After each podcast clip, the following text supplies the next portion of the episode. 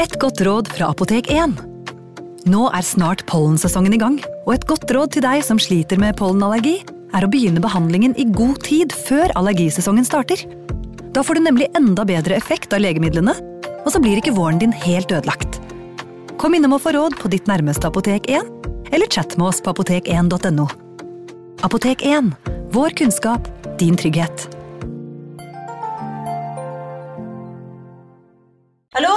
Jeg kommer fra Oslo politikammer. Ine Jansen er purk. Er du purk? The motherfucking bitch. Alt jeg vil, er å finne ut hva som skjedde med mannen min. Jon Carew. Er jeg sikta for noe? Iben Akeli. Det er du.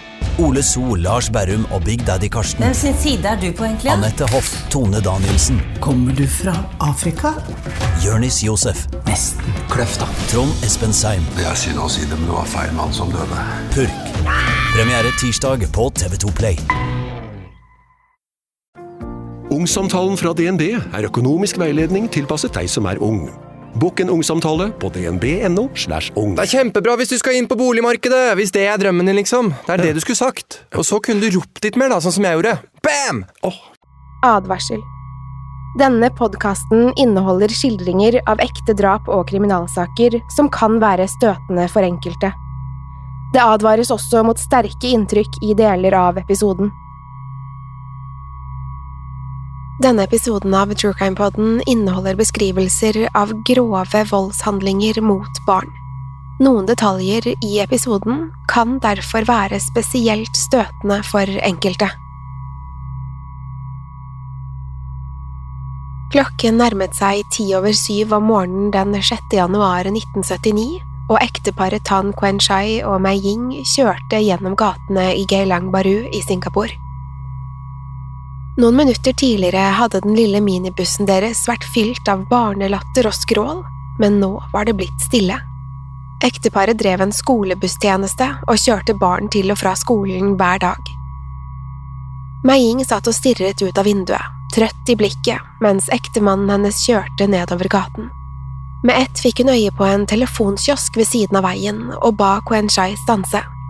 Ekteparets egne barn trengte ikke å kjøres til skolen, og ble ofte overlatt til seg selv om morgenene mens Quen Shai og Mei Ying dro på jobb. Som regel sto barna opp på egen hånd, men foreldrene likte å ringe dem på hustelefonen bare for å være sikre på at de var ute av sengene sine. Quen Shai parkerte inntil veikanten, og Mei Ying hoppet ut.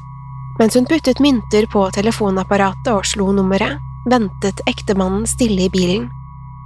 Et par minutter skulle gå før Mei Ying kom tilbake. Quen Shai sa han regnet med at barna allerede var fullt påkledd og på vei ut av døren, men fikk ikke noe svar av konen sin. Da han snudde seg mot henne, så han at hun hadde et rart uttrykk i ansiktet. Han spurte hva som var galt, og Mei Ying svarte at hun ikke hadde fått tak i barna. Quen Shai kjente et stikk av uro i brystet, men sa til Mei Ying at de sikkert bare hadde gått hjemme fra alt. Dette så ut til å lette litt på stemningen. Visst var barna deres unge, men de var også ansvarsfulle og flinke. Alt var helt sikkert i orden. Likevel klarte ikke Mei Ying å riste av seg følelsen av at noe var galt. Fryktelig galt. Velkommen til True Crime Podden.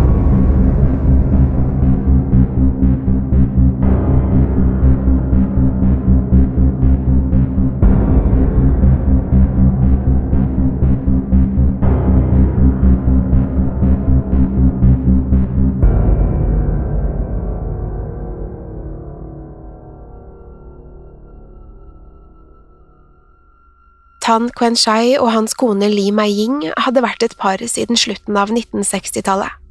De bodde i Geylang Baru i Singapore, et utviklingsområde i landets Central Region, og innen 1979 hadde de fått fire barn sammen, tre gutter og én jente. I 1979 var eldstemann Kok Peng ti år gammel. Deretter fulgte Kok Hin på åtte, Kok Son på seks og til slutt parets eneste datter, Chin Ni, på fem år.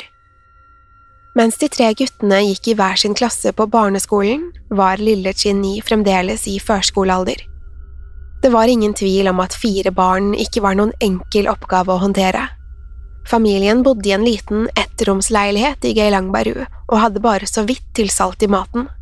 Redd for å få enda en munn å mette, hadde Mei Ying bestemt seg for å steriliseres etter at yngste datteren ble født. Quen Shai hadde protestert, men Mei Yings argumenter var overbevisende nok. Myndighetene var ikke akkurat kjent for å kaste barnetrygd etter nybakte foreldre. Etter at Singapore løsrev seg fra Malaysia i 1965, opplevde landet en voldsom befolkningsvekst. Folk fikk rett og slett for mange barn til at myndighetene klarte å håndtere det. Dermed skulle abort og sterilisering bli lovlig i Singapore så tidlig som i 1970. Myndighetene oppfordret familier til å holde seg til to barn, og tilbød til og med kvinner penger og betalte fridager om de valgte å sterilisere seg. Det var likevel ikke bare fordeler ved det nye lovverket. Det skulle også straffe seg å ikke følge myndighetenes oppfordringer. Kvinner som fikk tre eller flere barn, ble fratatt retten til permisjon, og sykehusregningene økte for hver nye fødsel. I tillegg var skoleplasser kun reservert for barn av kvinner som hadde sterilisert seg før fylte 40. Det var altså nok av press på Mei Ying for å sterilisere seg etter datterens fødsel. Den lille leiligheten i Geilang Barus blokk 58 var slett ikke ideell for en familie på seks. Bygningene var blitt utviklet av myndighetene og skulle gi rimelige boliger til Singapores fattige og arbeiderklasse. For Tan-familien var den altfor trang, men det var det eneste de hadde råd til. Likevel fikk foreldrene hverdagen til å gå rundt, og leilighetene rundt dem var fulle av andre små som Tan-barna kunne leke med. Livet i blokk 58 var slett ikke så ille for de fire barna. De kjente naboene sine godt og fikk nære forhold til flere av dem. Deriblant bodde en eldre kvinne på den andre siden av gangen, som barna elsket å tilbringe tid med. Hun satt ofte og fulgte med på dem mens de lekte i gangene. Familien var også nabo med en ung mann i 20-årene som var innom daglig for å låne telefonen. Mannen hadde nærmest blitt en del av familien, og barna hadde begynt å kalle ham onkel. De vennlige naboene var også til stor hjelp for Quen Shai og Mei Ying, som begge arbeidet fulle dager for å fø barna. En skulle kanskje tro at ekteparet fikk nok av barn, med fire egne hjemme, men Quen Shai og Mei Yings liv handlet utelukkende om å ta seg av barn. De drev nemlig en minibusstjeneste som kjørte barn til og fra skolen hver dag. Foreldrene sto opp klokken seks hver morgen, før deres egne barn i det hele tatt hadde våknet, for å kjøre andres barn til skolen. Som regel lot de barna sove videre mens de dro på jobb. Etter det første skiftet ringte de alltid til hustelefonen for å vekke dem og se til at de gjorde seg klare for skolen. Det var også tilfellet den 6. januar 1979.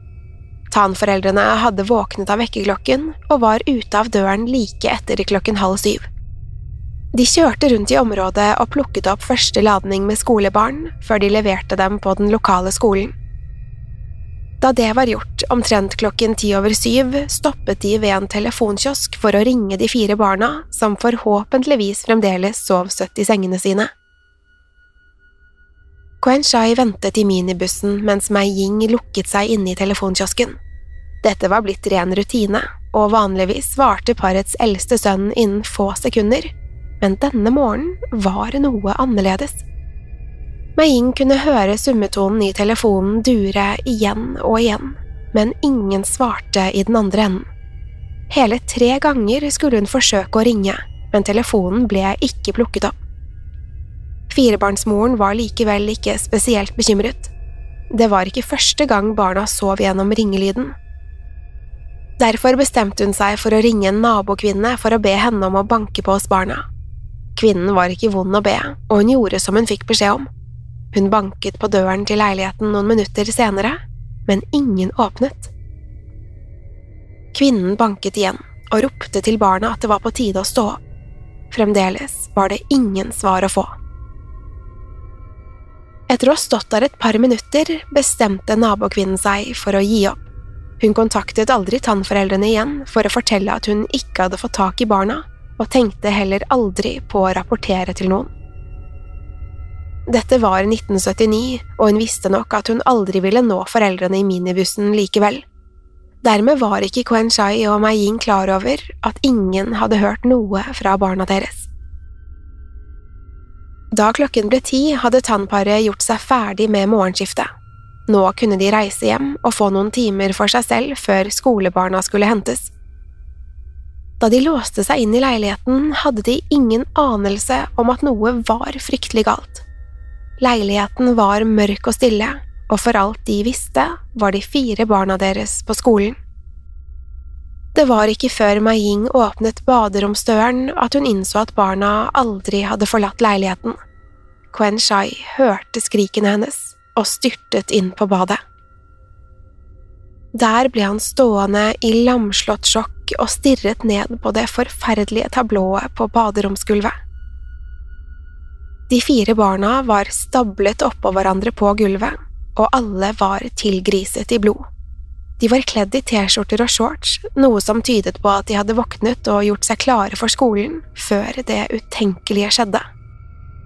Hver av dem var blitt knivstukket over 20 ganger, Lille Chini hadde blåmerker og skader i hele ansiktet, og parets eldste gutt, Kok Peng, hadde nesten fått armen revet av. Det var en grusom og uvirkelig scene, som i ettertid skulle beskrives som Singapores voldeligste og mest bestialske åsted gjennom tidene. Foreldrene var i sjokk, men maktet likevel å ringe politiet, som sendte en patrulje fra mordavsnittet. Det var ingen tvil om at tannbarna var blitt myrdet, men av hvem, og hvorfor? Etterforskerne la straks merke til at det ikke fantes noen tegn til innbrudd. Altså var det sannsynlig at morderen hadde hatt nøkkel til leiligheten, blitt sluppet inn eller hadde sneket seg inn gjennom en ulåst dør. Det var heller ikke det eneste merkelige ved åstedet. Utenom den brutale scenen på badet så alt annet ut til å være på sin vante plass. Leiligheten var ikke blitt ransaket eller ramponert på noen måte. Selv barnas ryggsekker sto pent på benken og ventet på å bli båret med til skolen. Det eneste som så ut til å mangle, var en kjøttøks fra kjøkkenskuffen samt en dolk som familien oppbevarte i stuen. Begge var sporløst forsvunnet. Mens politiet gjorde sitt for å oppklare den grusomme mordsaken, hadde Quen Shai og Mei Ying tankene andre steder. Deres fire små var blitt revet fra dem på brutalt vis, og nå måtte de gjøre det utenkelige – begrave sine egne barn. Sammen med noen utvalgte leker og barnebøker ble Kok Peng, Kok Hin, Kok Son og Shin Ni begravet på Shuashu Kang kirkegård. Begravelsen ble avholdt allerede dagen etter drapene, og Mei Ying skal ha vært så ute av seg at hun besvimte flere ganger. Det skulle også markere et skifte i måten folk levde livene sine i Geilang Baru. Tidligere hadde gatene, parkene og gangene vært fulle av lekende barn, men det var det blitt en slutt på nå. Nyheten om de grusomme drapene på tannbarna hadde satt en stopper for det. Nå var det ikke et barn å se noe sted. Foreldrene holdt dem inne og slapp dem ikke av syne et eneste sekund. Det som en gang hadde vært et livlig samfunn, var blitt til en spøkelsesby. For alt noen visste, kunne morderen være noen de kjente, kanskje en nabo, eller til og med et familiemedlem. Imens fortsatte politiet å arbeide på spreng for å løse den brutale saken. Fire barn var blitt myrdet, og gjerningspersonen var fremdeles der ute et sted. Det var umulig å si om dette var et engangstilfelle eller bare begynnelsen på et grusomt mareritt. Morderen måtte stanses, og det fort. Allerede fra begynnelsen skulle politiet arbeide med en teori om at gjerningspersonen måtte være noen Tann-familien kjente fra før. Hva enn motivet for drapene var, så var det i alle fall tydelig at det ikke hadde vært tilfeldig. Morderen hadde vært nøye og ryddet opp etter seg, noe som tydet på at drapene var planlagt på forhånd. Tann-familien var på ingen måte velstående eller innflytelsesrike, så politiet kunne ikke forstå hva noen kunne vinne på å myrde ekteparets fire barn. Selv om motivet enn så lenge var uklart, skulle politiet snart komme frem til en teori om hvordan morderen hadde kommet seg inn i leiligheten. Under avhør kunne nemlig Mei Ying fortelle at hun hadde mistet husnøkkelen sin kun dager før drapene ble begått. Hun kunne ikke huske hvor hun hadde sett den sist, og ante ikke om den kunne ha blitt stjålet. Om det var tilfellet, ville det gitt morderen alle verktøyene han trengte for å komme seg inn i leiligheten. Det var likevel så langt etterforskerne så ut til å komme. Morderen hadde vært svært nøye i opprydningen, og det fantes få eller ingen fysiske spor å følge. De to knivene fra Tann-familiens leilighet var borte, og uten teknologi som DNA-testing tilgjengelig var det så godt som umulig å sile ut en mulig mistenkt. På et tidspunkt skulle en avis påstå at politiet hadde funnet et hårstrå i hånden på et av barna, men dette avkreftet etterforskerne straks. Etterforskningen sto i stampe, og det virket som politiet aldri skulle komme noe nærmere et svar på hvem som hadde myrdet de fire tannbarna. Det var helt til et anonymt vitne sto frem for en kinesisk avis og påsto at han hadde sett gjerningspersonene. Ifølge vitnet hadde han stått parkert på den andre siden av veien for Tan-familiens leilighetskompleks. Der han satt, hadde han plutselig lagt merke til et merkelig par idet de krysset gaten og nærmest snek seg inn i bygningen. Vitnet kunne fortelle at det hadde vært en mann og en kvinne, begge i slutten av 20-årene. De hadde oppført seg mistenkelig, noe som hadde fått vitnet til å bli værende i bilen sin. 30 minutter senere hadde mannen og kvinnen kommet ut igjen og gått hver sin vei.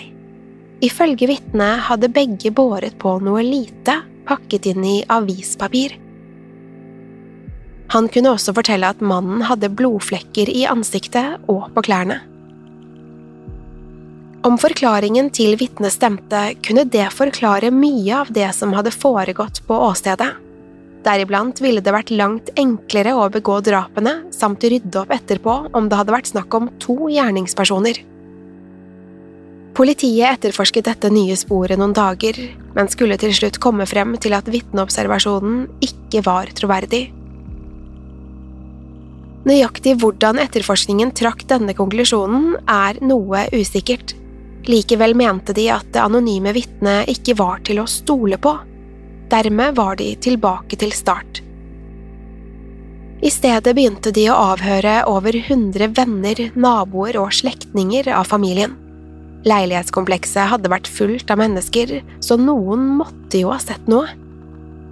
Etterforskerne var sikre på at dette ville gi resultater, men der skulle de bli skuffet. I stedet for troverdige vitneobservasjoner fikk de servert rykter og spekulasjoner. Selv Tann-familiens nærmeste nabo, den eldre kvinnen som alltid fulgte med på barna i gangen, hadde ingenting å bidra med. I avhør hadde hun vært nærmest utrøstelig.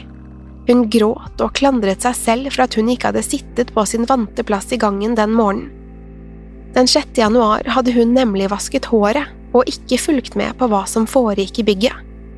Etterforskerne forsikret kvinnen om at det ikke var hennes feil. Likevel visste de at deres mest lovende vitne ikke hadde sett noe som helst. Andre naboer kunne fortelle at de hadde hørt rykter om at en mann i bygningen på den andre siden av gaten hadde sett noe den morgenen tannbarna ble drept. Ifølge ryktene hadde mannen kunnet se rett inn i tannfamiliens stuevindu. Der hadde han sett en ukjent mann som rev og slet i en liten jente. Politiet var sikre på at dette ville være spor de trengte, og krysset veien for å finne det ukjente vitnet, men ingen i bygningen ville vedkjenne seg historien. Om det hele bare var skrøner, eller om vitnet ikke ville stå frem, var umulig å si. Likevel var det ikke utenkelig at eventuelle vitner vegret seg for å fortelle noe til politiet.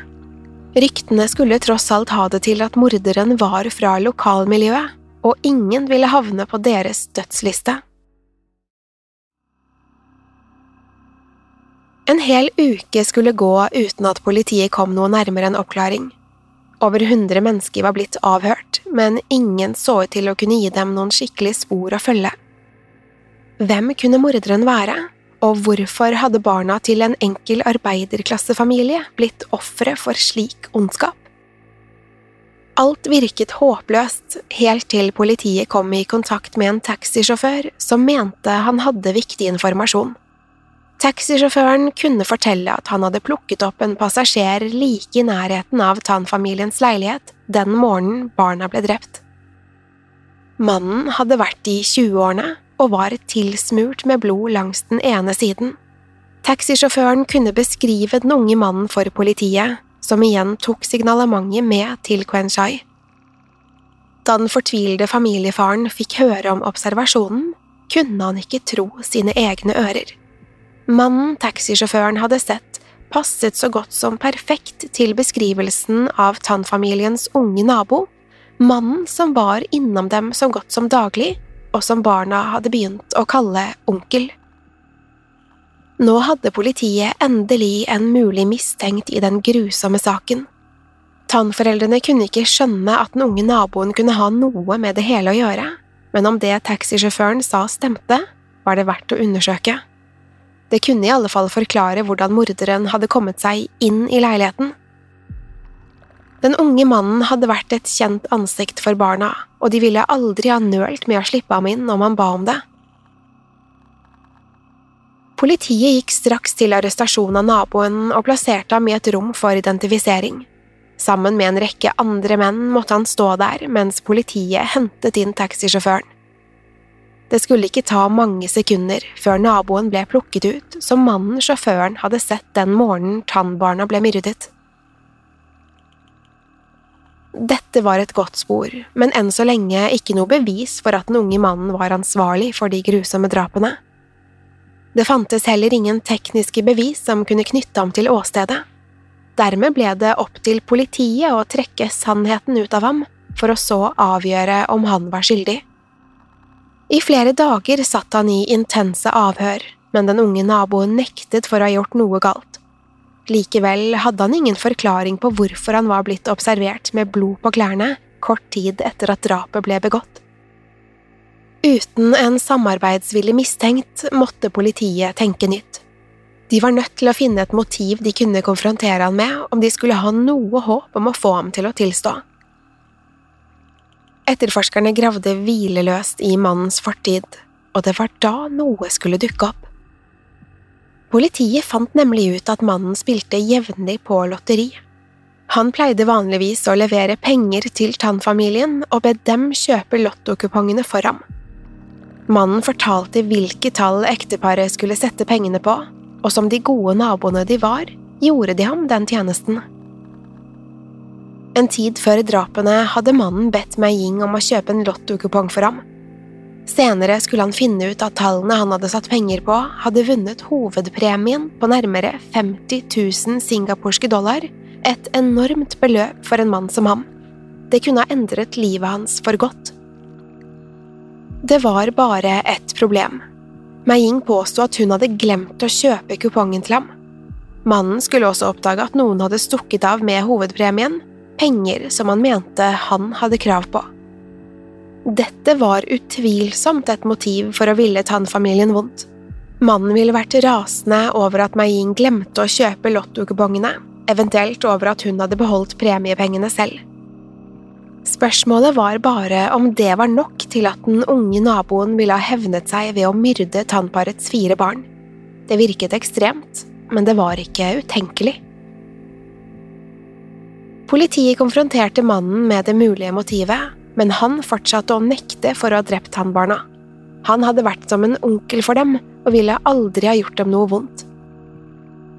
Det hadde vært politiets eneste kort. De fikk ikke mer ut av ham, og etter to uker i varetekt ble han løslatt. Mannen skulle flytte ut av leiligheten sin i blokk 58, og ingen skulle høre fra ham igjen. Enda en uke skulle gå uten at politiet kom noe videre i saken. Mot slutten av januar var det duket for kinesisk nyttår. Over hele Øst-Asia begynte folk feiringen, men hjemme hos familien Tan var det ingen smil, ingen latter eller glede. Alt skulle bare forverres da Quenchai og Mei Ying fikk et nyttårskort i posten. Bildet på kortet viste glade barn som lekte sammen. Ordene på baksiden var likevel ikke til å ta feil av. Med liten, snirklete skrift var det skrevet Nå kan dere aldri mer få flere barn. Ha, ha, ha. Brevet var adressert til ekteparet, men avsenderen hadde brukt deres personlige kallenavn A-Chai og A-Eng. Nederst på kortet var det undertegnet Fra morderen. Om dette var en brutal spøk eller noe mer, var vanskelig å si. Det eneste som var sikkert, var at den som sendte kortet, kjente Tann-familien personlig. Ikke bare brukte vedkommende parets kallenavn i kortet, de insinuerte også at de visste at Mei Ying hadde sterilisert seg etter at datteren ble født, og ikke kunne få flere barn. Kun noen i familien eller en nær venn ville visst om inngrepet. Tannparet overrakte straks kortet til politiet, som undersøkte det nøye. Om det noen gang ble sjekket for fingeravtrykk, er det ingen som vet. Det er likevel sikkert at etterforskerne aldri skulle finne noen nye spor i nyttårskortet. Nok en gang sto etterforskningen i stampe, og det nye tipset ledet ingen vei. Hvem enn som hadde skrevet kortet, så hadde de sørget for at det ikke kunne spores tilbake til dem. Morderen hadde nok en gang forsvunnet som røyk mellom fingrene deres. Over de neste månedene skulle ekteparet Tan vandre rundt som i en tåke. De forsøkte å gå tilbake til jobbene sine som skolebussjåfører, men sorgen over barna skulle snart vise seg å være for stor. Alle barna de kjørte til skolen hver dag, minnet dem om deres egne, som de aldri skulle få se igjen. Et års tid etter drapene solgte de derfor minibussen sin og begynte å jobbe på en plastfabrikk i stedet. Over et år var gått siden tannbarna ble myrdet, og politiet hadde ingen nye spor å følge. Med det ble saken lagt på hyllen, i påvente av at nye tips eller beviser skulle dukke opp. Enn så lenge har det ikke kommet noen utvikling i saken, og drapene på tannbarna har blitt et mørkt og brutalt kapittel i Singapores kriminalhistorie. Hvem som tok livet av Kok Peng, Kok Hin, Kok Son og Shin Ni, er det ingen som vet. Likevel er det kanskje håp for fremtiden. Nå som ny teknologi og internett er blitt allemannseie, har saken plukket opp ny interesse over hele verden.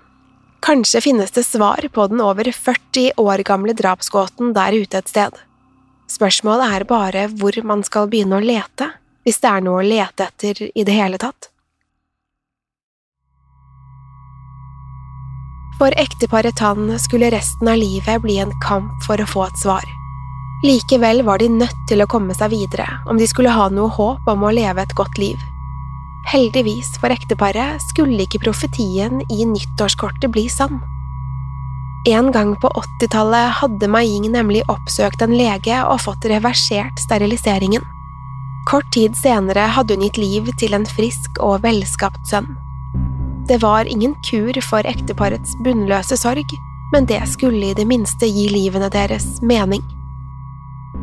Quen Shai og Mei Ying fortsatte å bo i blokk 58 i mange år fremover. Der oppbevarte de fremdeles leker, bøker og klær etter barna de hadde mistet. De visste at de aldri ville få dem tilbake, men de små klærne og lekene minnet dem om hva livet en gang hadde vært, og hvor kostbart det hele var.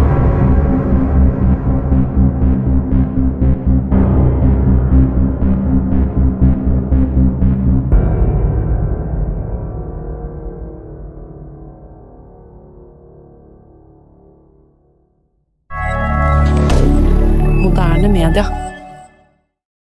Har du et enkeltpersonforetak eller en liten bedrift? Da er du sikkert lei av å høre meg snakke om hvor enkelt det er med kvitteringer og bilag i fiken, så vi eh, gir oss her, vi. Fordi vi liker enkelt. Fiken superenkelt regnskap. Hei! Takk for at du lytter til True Crime Podden. Skulle du ønske at du kunne høre en ny episode av denne podkasten hver eneste uke? Vel, da er det bare å laste ned podkastappen Untold med en gang. I tillegg til ukentlige episoder av podkaster som Skrekkpodden, Synderne og Henrettelsespodden, får du masse annet reklamefritt og eksklusivt innhold. Last ned Untold i AppStore eller Google Play, og start din 30 dagers prøveperiode i dag.